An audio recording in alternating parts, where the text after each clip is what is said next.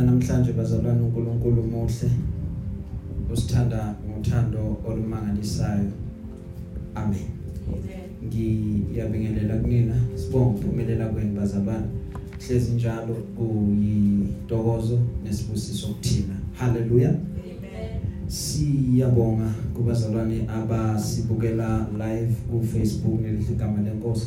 Sibonge to abazalwane ababukela ama video ethu ku YouTube sibonge kubazalwane abalalela ama audio whether be it ama audio we WhatsApp or ama audio esiwathumelayo as ama podcast bazalwane glory be to God. Na namhlanje we have izwi from elvela enkosini. Obekile enhlizweni yami is with this message ihlukaniseke kabili yebazalwane sizoba nomlayezo wanamhlanje. Once again next week sizobese siqhubeka nawo bazalwane. Haleluya uma ulalela kahle you think ukuthi izinto ezimbili mhlawumbe ezihlukene. But uma ulalelisisa ujula uzothola ukuthi izinto ezihambisanayo. Makabongwe uJesu. Umyalezo namhlanje uzothi it is not about you. Glory be to god. Udaba kahle kahle akungawe amen. So in other words kunezinto ezenzakalayo ongafunekanga ukuthi uyithathe personal. Once ukhula kuleyo understanding kuleyo level kula impilo uzoyiqonda kangcono khona. Makabongwe Jesu. Amen. It is not about you. Impilo it is not so personal. Hallelujah. Amen. Kinga yethu singabantu. We take things very personal. Yeah. Glory be to god. Amen. Uma zenzeka uyayithi kwangazuthi loku uqonde ngokujulile. Kimina glory be to god. Amen. Emabhayibhelini ethu incwadi yabasekorinte besibili 2 Corinthians chapter 1 ama verse u3 ukuya evesini ka11 makabongwe Jesu. Amen. Ona mehlo abonayo ngicela bese asikhonza.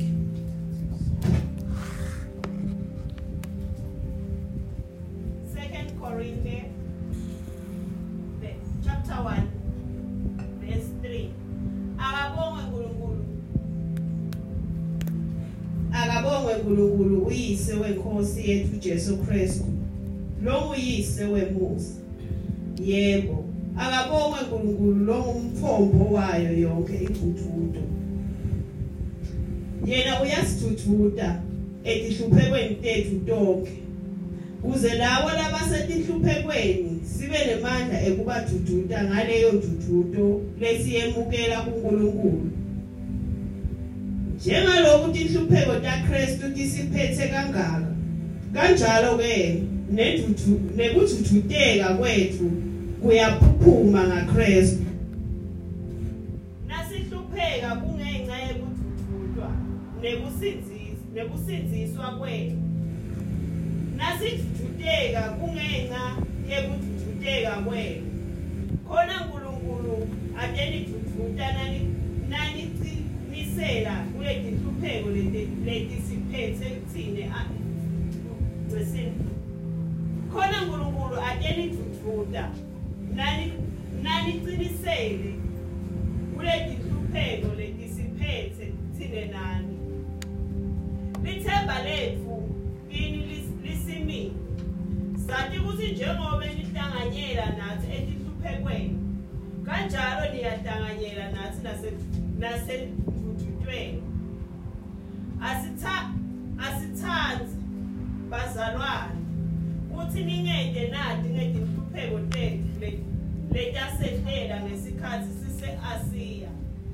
lapho satfolana nebukhulu lobu loba kungetulu kwemandla ethu kangange ukuthi sacishe salahlekelwa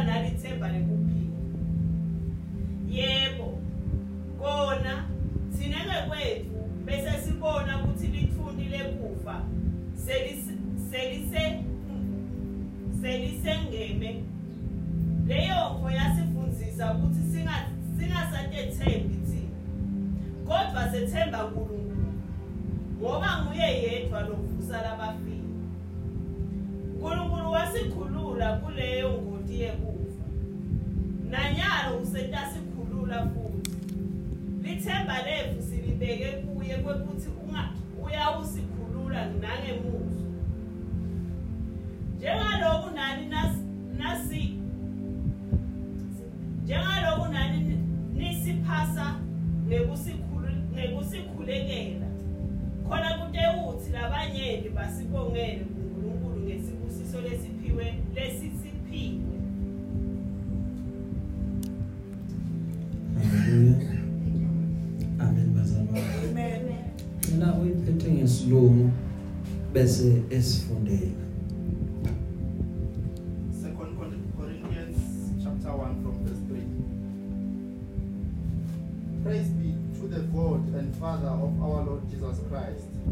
Father of compassion and the God of all comfort, who comforts us in all our troubles, so that we can comfort those in any trouble with the comfort we ourselves receive from God. For just as we share abundantly in the suffering of Chri- of Christ, so also our comfort abo- abound, abounds, abounds through Christ. If you are distressed, it is for you, it is for your comfort and salvation. If we are comforted, it is for your comfort, which produces in your patient endurance of the same suffering we suffer. And our hope for you is firm, because we know that just as you share in our sufferings, so also you share in our comfort. We do not want uninformed, brothers and sisters, about the troubles we experienced in the province of Asia. We were under great pressure, far beyond our ability to endure so that we despaired of life itself. Indeed, we felt we had received the sentence of death. But this happened that we might not rely on ourselves, but on God, who raises the dead.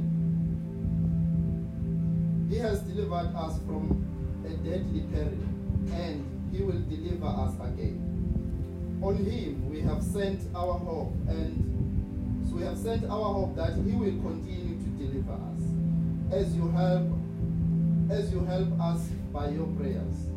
Then many will give thanks on our behalf for the gracious favor granted, granted us in our in answer to the prayers of many. haleluya amen. Siyabonga kakhulu yabazalwane sizovalana amehlo ethu.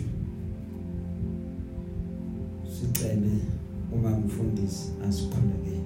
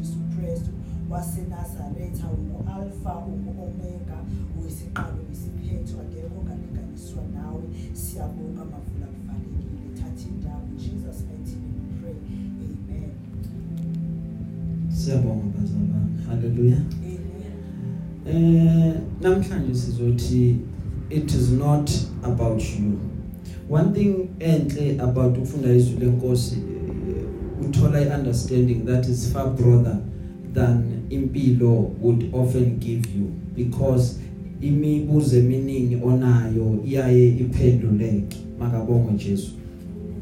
Kukhona impendulo for isimo nesimo okungenzeka ukuba uzithola uphakathi kwaso. Haleluya unyaka uyaqala yebazalwane njengoba unyaka uqala abaningi bacabanga ukuba si seqaleni siqala unyaka. Eh kubukeka kanjalo eh kahle kahle engakusho ukuthi unyaka yebazalwane uqala ekhalendeni. Kungenzeka ukuthi empilweni yakho ungayithola usesimeni la uthi kimina unyaka uqala. La ngizithola ngikhona it seems like it's just a continuation of into ebekade ikhona. So there is nothing engibona ukuba iyaqala ngoba kukhona uhlobo lweinkinga nezinkathazo ebekade ngidila nazo kulonyaka esiqeda ukugoqa namanje ezunyaka uqalile lezo inkinga ziyaqhubeka. Kusese nezinto engisadila nazo ezingakadluli. Why? Because eh lezi zinto kumele ukuba ziseve isikhathi esithile maqeda bese ziyadlula. Kunezinto engapheli ngokuthi unyaka uphelile but zizophela ngesikhathi sazo. Kukhona izinto ezi unyaka uqhubeka uyabona emabhenki unyaka wabo uma uqala most of the time awuvamisile uqala 1 January. Emabhenki unyaka wabo uqala ngoJuly kukhona amabhenki athi ngoJuly we adjust ama fees ethu. So ukuthi namhlanje sisese kuwo lonyaka uzothi uma ufika July uthole ukuthi awu izinto seyishintshile so kuya ngokuthi lezo zinto zimiselwe siphi isikhathi ukuze zenzeke ngaleyo ndlela leyo ukuze kufezeke ini injongo ethile le ezizele ukuba zizoyifeza glory be to God Amen. so izwi lenkosi yabazalwane uma silifunda uPauli uvula lapha uh, about thanking uNkulunkulu ukuthi uNkulunkulu into asibonise yona usibonise umusa usibonise ububele obumangalisayo. uNkulunkulu ube uNkulunkulu who is isource ube umthombo wenduduzo yonke isiphelele. uNkulunkulu kuthe uma kukhona izimo uma kukhona izinto ezisehlela uNkulunkulu made a way ukuthi kube khona indlela yokuba sithole thina siduduzeka what does that mean? It means ukuthi uNkulunkulu kunezimo ayivumelayo ukuba sidlule kuzona but uNkulunkulu understands ukuthi lezi zimazange ukuba zizoqeda ngathi uNkulunkulu understands ukuthi uma lezi zimo zenzeka zisehlela lezi zinto zifika zisishaya yena he will make a way ukuba siduduzeke noma zikhona ivumuvumu noma zikhona izimo esingayithandi uzokwenza ukuba kuphileke uma siyithola ngaphakathi kwalezo zimo lezo ngoba you must understand ukuthi usizi liyafika and rest assured ukuba lufika kubona bonke. But now into efunekayo uma selifikile kufanele ukuthi ube namandla wokwazi ukuma. Life is very tricky in a sense yokuthi lungakufikela usizo uma lukufikela uNkulunkulu akwenza ukuthi usuke unosizi lwakho uhambe uyoduduza abanye nabo abasosizini ngoba uNkulunkulu uyena uNkulunkulu number 1 wenduduzo yonke.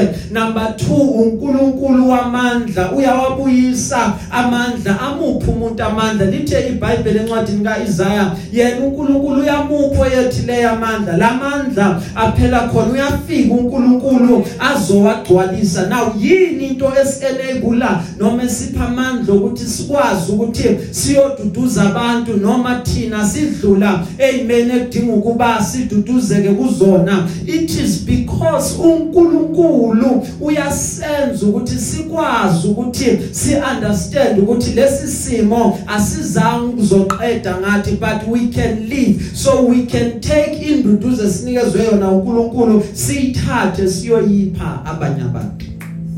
Haleluya. That is why ngithi kuwena impilo uh, uh, it's not about you. Because once you limit once you put izinto ucabanga ukuba impilo it's about me.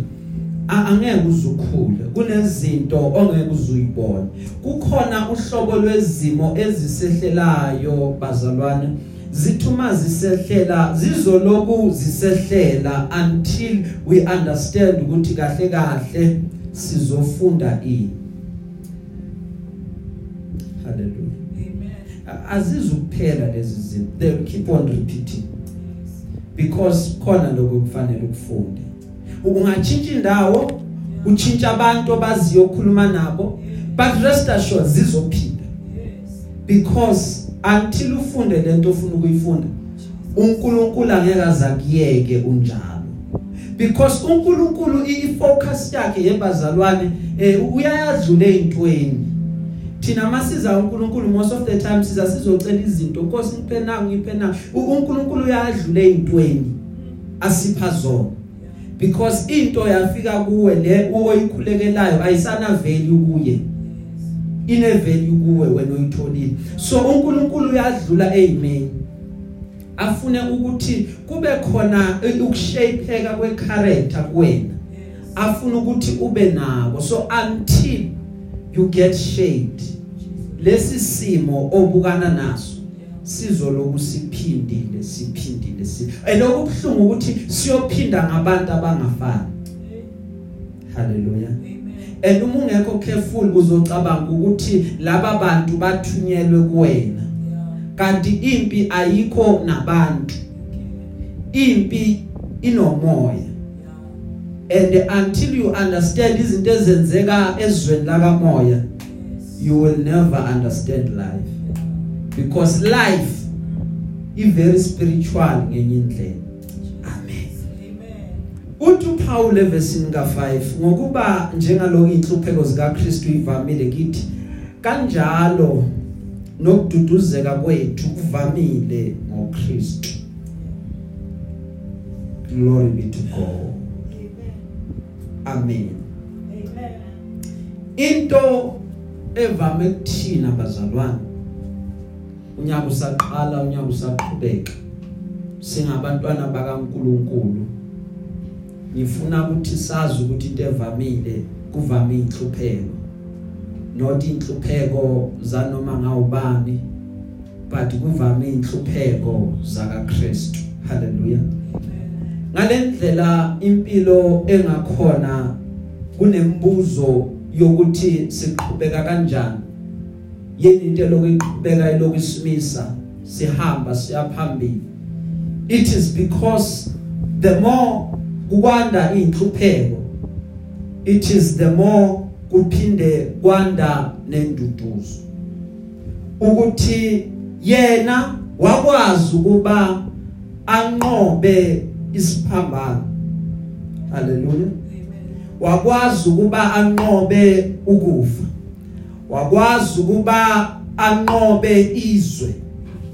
So thina esizelwe ngaye sinamandla wokuthi nathi sizokwazi ukuba sinqobe. Siduduzwa iloko ukuthi the more zanda kahle kahle zisifaka inkani zithi qhubekani ngoba umvuzo nizowamkela lezi zinto ezinehlelayo asizange uzoqeda ngani. But zizele ukuzonifundisa ukuthi amandla enu makhulu kangakanani? Glory be to god. Hallelujah.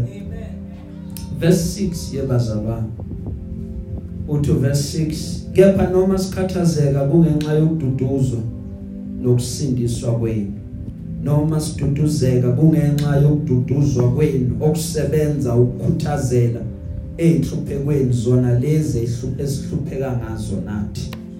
La kuhlanganiswa khona ukuthi noma ngabe izinto zifika ama circumstance nama predicaments asehlela to come and weigh us down.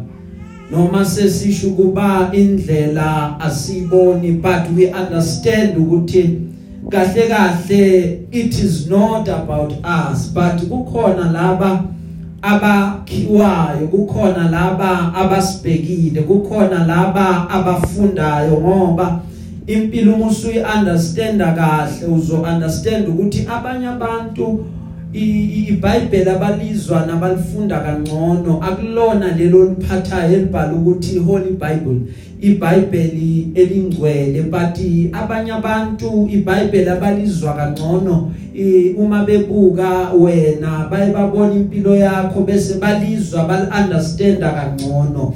Bese bayakhona ukuthi uma ekwazi ukuma aphinda aqhubeke izinto zimehlela zimshaya.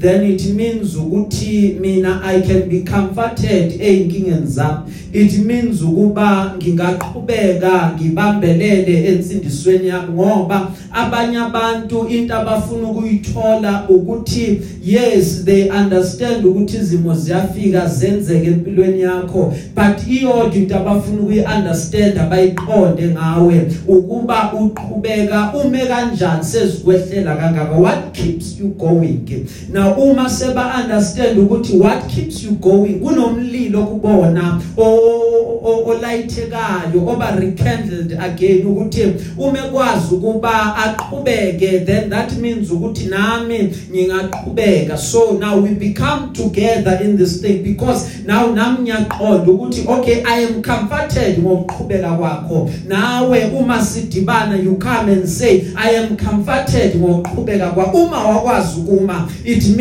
nami ngingakwazi ukuba ngiqhubeke ngime ngoba into that we come together and share we are sharing the sufferings of Christ.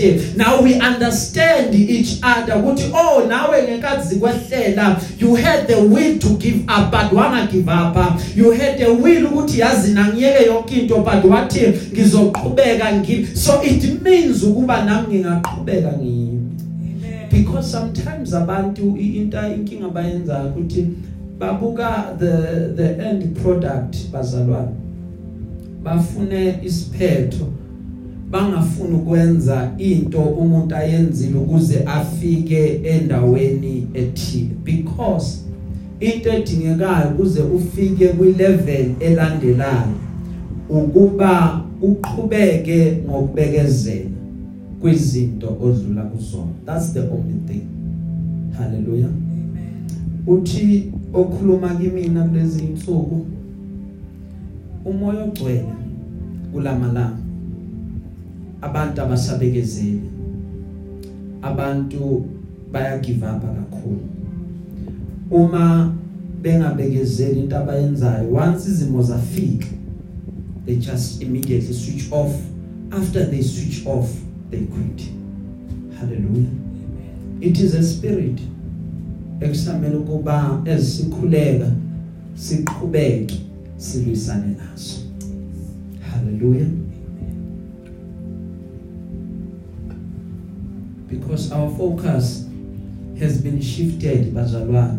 Sibekezelele izinto engaba siyibekezeleli singabekezeleli izinto engabe siyazibekeza siyazibekezelela.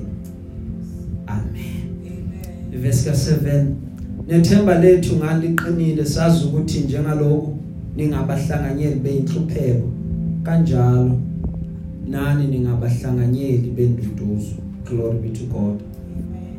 Verse 8 ngokuba sithanda bazalwane ukuba ningazi ngosizo lwethu olwasehlela the times ise Asia ukuthi sasindwa kakhulu impela ngaphezulu kwamandla ethu. Saze salahlekelwa nayithemba lokuphila. Glory be to God. Amen. Hallelujah. Amen. Uma ulifunda iBhayibheli uthi uPaul saze salahlekelwa nayini yabazalwane? Ngicela ukusho. Saze salahlekelwa nayini? Ithemba lokuphila. So there are moments there are times la ithemba lethu lokuphila lilahleka khona. Glory be to God. Amen. Hallelujah. Amen. Uyabona uma zingakakushayi kahle izimo? Zithi mase zikushaya ubusuyabuka uthi ngisaphilelana because lokho ngehlelayo uPaul uchaza kahle le ndawo. uPaul okhuluma ebazalwane that is why ngifune nje ukuthi ngiyithathe kahle slow singajahi indawo. Uthi uPauli lokho bekade kusehlela kusizi ngenkathi seAsia. Kwasenza ukuba sibone ukuthi number 1 lokungaphezulu kwamandla ethu. Sinawo amandla. The, the, the very Paul othi mina Paul siboshwa sika Kristu mina Paul omuntu olingiwe. Mina Paul ebekade ngihamba ngiyozingela amakholwa ngithi amakholwa mawangaphi. The very same Paul uthi ngala yilona lonke term in order ukuze ngiphelele ngiwumuntu. Fanele kufike isikhathi la kuyophela lona lonke ithemba enginalo. Haleluya uma lingakapheli rest assured ukuthi impilo yami ayikakapheleliswa glory be to god. Because i need ukuthi ngibe umhlanganyeli weinhlupheko zika Kristu wathini esiphambanweni? Wathi uNkulunkulu wami ungishiyeleni na? Yakhumbula wabona ukuthi izulu limhlubukile limdelile. Wakhala ngezwi elikhulu. Bathi abanye abaphansi ubizu Elijah abanye bamthelela. Wabona inkosi why ungishiyile why have you forsaken me? Kufika isikhathi where you will feel ukuthi sengishiyile. Fika isikhathi where you will feel ukuthi akasekho mina lokho kungehlele okungehlele kungaphezulu kwamandla. Uma ungakafiki rest assured usazofika. Because ziyafika lezi inhlupheko ezikwenza uquestion iexistence yakho ukuthi why ngila? Understand the pattern of life. Mele zifike maqeda bese ziyadlula. Asifiki unomphelo sometimes ezinye uma ifikile zidilewa yithi ngereaction yethu. Haleluya kukhona izinto emele uyilwise. Uma zenzeka kukhona izinto emele ungayilwisi. Once you learn ukuhlukanisa kulezo zinto ezimbili ngithi mina kwathi kuphindela khona izinto emele uyilwise uma zenzeka ungayifuni. Khona izinto emele ungayilwisi. Once wafunda ukuhlukanisa between those two uzoba set for impilo haleluya ezinye ziyalwiswa ezinye azilwiswa. Waphazama walwisa lezi ezingalwiswa uzodelay ukuqhubeka kwakho. Glory be to god. amen verse 9 yebo thina ngokwethu sasizizwele ukuthi sinqunyelwe ukufa ukuze singazethembi thina kodwa sethemba uNkulunkulu ovusa abafile. Glory be to god. God this time god this season ufuna singazethembi thina. Ufuna amathemba ethu kithina aphele in other words god will allow izimo that will come to us zizokwenza ukuba ukuthemba kwami kimina bese kuyashabalala. Maqeda bese ngithemba yena. Athi ohlabelelayo noma usiholela ngasehlane elibi wosiphumisela ngaphesheya. Athobhala incwadi yamahubo. Noma ngihamba esigodini athi ngiyalibona ithunzi lokufa athi but umoya umphefumulo wami ngaphakathi kwami.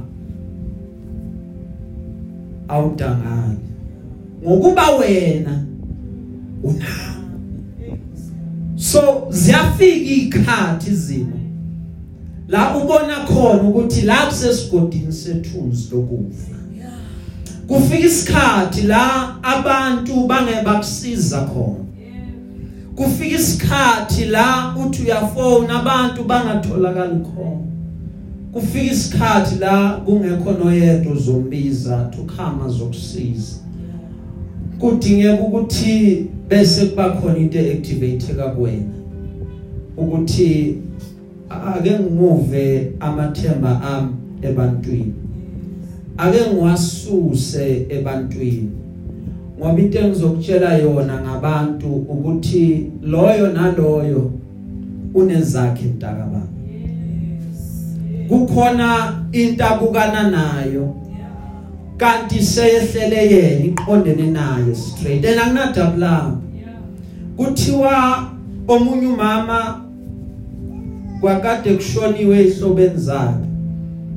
Lo mama alihambele ibandla lakhe abathanda basebandleni lakhe. Bekuthi njalo uma kwenzeka kuba khona izifo baphume.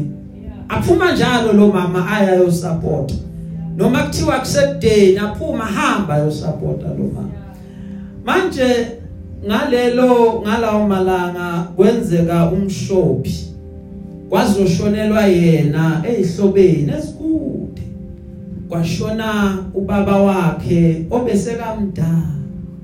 Wababikela esontweni ukuthi ngizosuka ngiye ngasekhaya sekuvela umkhuhlane. Kuthiwa wahamba lo mama wafika ekhaya wahlala. Laba baseduze amabandla abo alokangena ashintshisana alokangena aphuma angena aphuma. Lo mama bona isikhathi sihamba bona amalanga ahamba wafona. Wathi kanti nikuphi mfundisi? Ngoba sinilindile.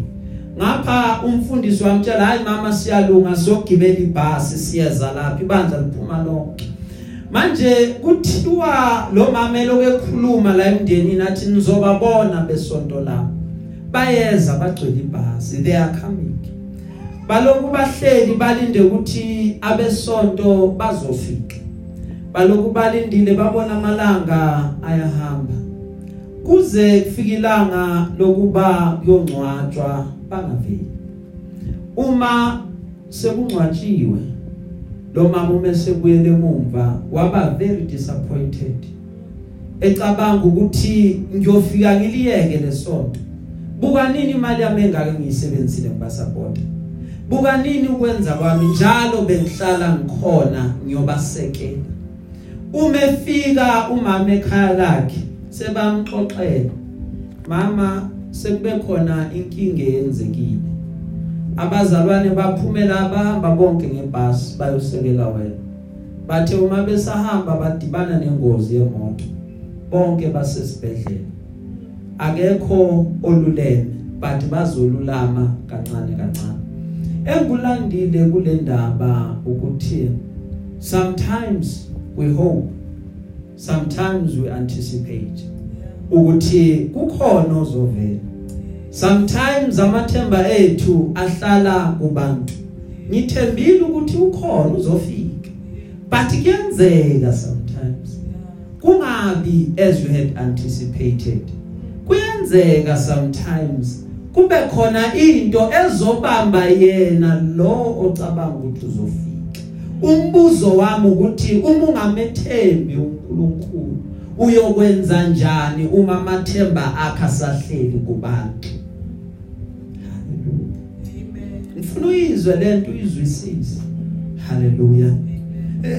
Nami ngingakwenza lokhu. Kukhona abantu othi uma uthatha ifone uthi hayi mangimfonela uzongisiza kuna ngiyazi uzongisiza. But that is very limiting. Haleluya. Ngani ithemba lakho ulibase kulomuntu haleluya. Ngeke ngahamba ngaye edrobheni. Mangifike edrobheni yebazabana kahle kahle bengisele nemali yokubuya. Nginganamali enye ekhona. Manje awoma yebazalwane ngoma kakhulu. Manje ngiswele ukuthi into yokuphuza ngizoyithola phi. Problem yami bekade yodwa ngomile ngidinga into yokuphuza. Akekho engamtshela ukuthi ngomile ngidinga ini?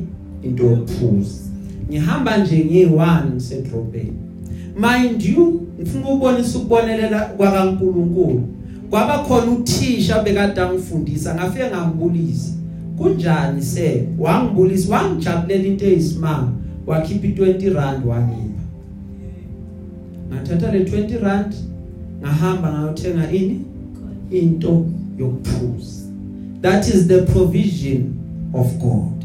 Ngifuna ukuthi kule season esingena kuyona uzungabuki ukuthi usizo lwakho liyoqhamuka kufamily face kumuntu omaziyo. Haleluya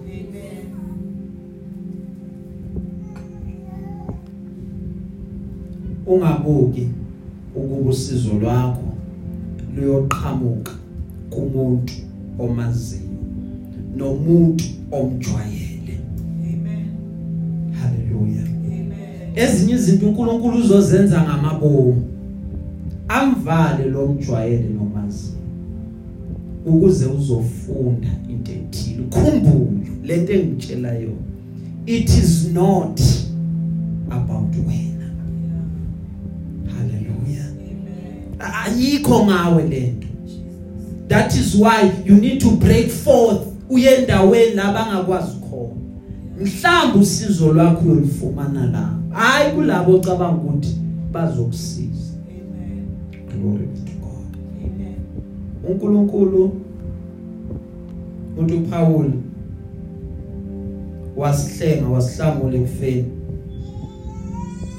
Siyaqhubeka simthemba ukuthi uzosihlamula glory be to God.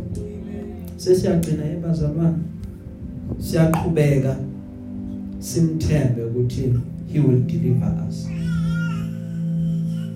Siyaqhubeka simthembe ukuthi uzosikhipha. Glory be to God. Siyaqhubeka simthembe ukuthi uzosidlulisa. Glory be to God. Amathemba ethu kuyena our shift. They remain kuyena. Glory be to God. Na ke fanele kuba sikwenze ukuba size singayeki ukunxuselana size singayeki ukukhulekelana bazalwane. Glory be to God. Because amandla okunqoba kwethu alele la ekuthandazelane kwethu. Haleluya amandla okukhuleka kwethu alele la ekutheni kukhona abasikhulekela. Size singayeki ukukhulekela. Ziningi ziyavuka ziningi ziyasehlela they just need ukuthi sibambisane. Sikhumbule ukuthi kahle kahle ukulimala kwakho ukulimala kwakho ukusizakala kwakho. Ukusizakala kwakho. Glory be to God. Kunezinto ezehlela abantwana bakaNkuluNkulu emhlabeni wonke ezidinga ukuthi sitholakale siguqe ngamadolo sikhuleke. Baba siyabakhulekela. Ezinye zazo zikakafiki ezinye zazo still coming. But we need to be prayerful. Glory be to God. Ngoba ukukhuleka kwethu kuyodambisa konke lokho kukhona lokho kwehlayo kuumoya it will subside. It will go away. Why? Because the church is praying. Hallelujah. Ngifuna lokhu kube iculture ukuba we are praying. Sikhuleke sikhuleke futhi ngokweqiniso. Sikhulekelane sijule yebazalwane uyikhiphe kuwena ume kuwena. Set time set amalanga. Uthi baba naku ngiyamkhulekela lo ngiyamkhulekela lo ngiyamkhulekela lo. Naku kuvelile inkosi ngiyakhulekela. Thina into esiyenzayo yini? Siyazibona indaba siyazibukela indaba ngithi yebazalwane indaba itholakala yonke indawo ngithi ebazalwane njengoba siyithola indaba into inkinga yethu ukuthi siyazi discuss izinto lezi efane ngabe siyayithandazela. Haleluya bese akusizakala umuntu we are just discussing it. Amen. Uzoyibuka lento kwathi maqala even icorona sasikade siyidiscuss. Kuyisifo esisibukela kude. Siyasibona le kude. But where we praying? Because that is where we are needed. We kuningi okuvelayo. Hallelujah. That affects even umhlaba wonke that needs us ukuba sibe sikhuleke. Amen. Kukhona izimo ezehlela abantu. Okunye nje sibe sesiyabuya even sihlekise ngabo which is wrong. We need to be praying. Hallelujah. Because it is not khumbula it's not about you. It is not about you. Amen. Ngoba lokho kubehlele ngale chances are kuzobuya kuzoyehlela wena. Akusho ukuthi wena sewukhululekile. That is why fanele ukukhumbule it is never about me. Hallelujah. Uma ukhula kahle sengigcina empilweni yakho uzofuna abantu ababe nenkinga eziningi. Into ezokusiza ukuthola abantu abadlule inkingeni eziningi ukuhlale nabo. Hlale nabo uqale ukhulume uxoxe nabo. Bake bakuchazele ngempilo. Impilo indlula la indlule la indlule la indlule la. Oh wena la wandlula kanjani? That is where uzokhula khona. Hallelujah. Because once ucabanga ukuthi lokho enginako kuphelele i am comfortable la ngikhona ziningi izinto ezizokwehlela zikushaye zize zikufundise ukuthi kunohlobo lwabantu. Obadingayo. Ngenzeka awukahlangana ngenzeka futhi uhlanganile nawo but inkinga yini? Nikhuluma indaba efanele ngaba nikhuluma nikhuluma indaba ezirong. Glory be to God. Start speaking izinto ezizosiza zakhe wena. Glory be to God. Hallelujah. Buka abantu ohlanganyela nabo. Buka abantu ohlala nabo. Buza umbuzo. Bangibenefita kuphi? Bangakhisa ini? Yini inzuzo engako uma sengidibene nabo? Then impilo yakho from lapho will begin to change. Because last funda khona it's a mutual relationship. Ibandla laseCorinth benenkinga eziningi. uPaul uyazazi bekababhalela labazalwane kwenye incwadi uzubona ngathi uyabathethisa. But uthi uPaul ukuni ukuthi nisikhulekele. Ikona ukusiqinisana so ucela ini umthandazo kubona ukuthi umkhuleko wenu unamandla ukuthi uyofika enkosini. Because why sinobudlelwane bokwakha thina. Nami khona engikuzuzayo from nina. That is why ngicela ukuthi nize ningayeki ukuba nisikhulekele. Uhlanganyela nobani bakwakhisana because that is very important. Ngifuna uyibambe le ntshumayelo sizongena kweya next week. Eya next week ikhuluma about ukuthi masivuka ke inkinga ngikhululeka kanjani kuzona haleluya engakusho nje uncane on what is still to come next week ukuba ozelwe wesifazana inkinga zakhe ziningi.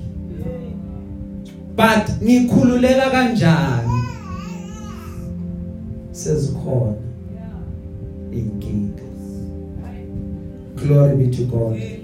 Ngizothi kuwena kade uhlobo lwabantu ohlanganyela nabo abanye uzoyikhethela. Ukuthi babe seduze kwakho. Abanye bazolethwa uNkulunkulu. Nkosi ngicela ukuthi uzungamist lento uNkulunkulu ayibeke emntwini amthathile wamsondeza empilweni yakho never miss that. uNkulunkulu akakuvula amehlo ubone the gift azoyiletha nebonus azoyenza empilweni yakho. Then from lapho impilo yakho izoba ngcono. Nkosi yomusa izembusisi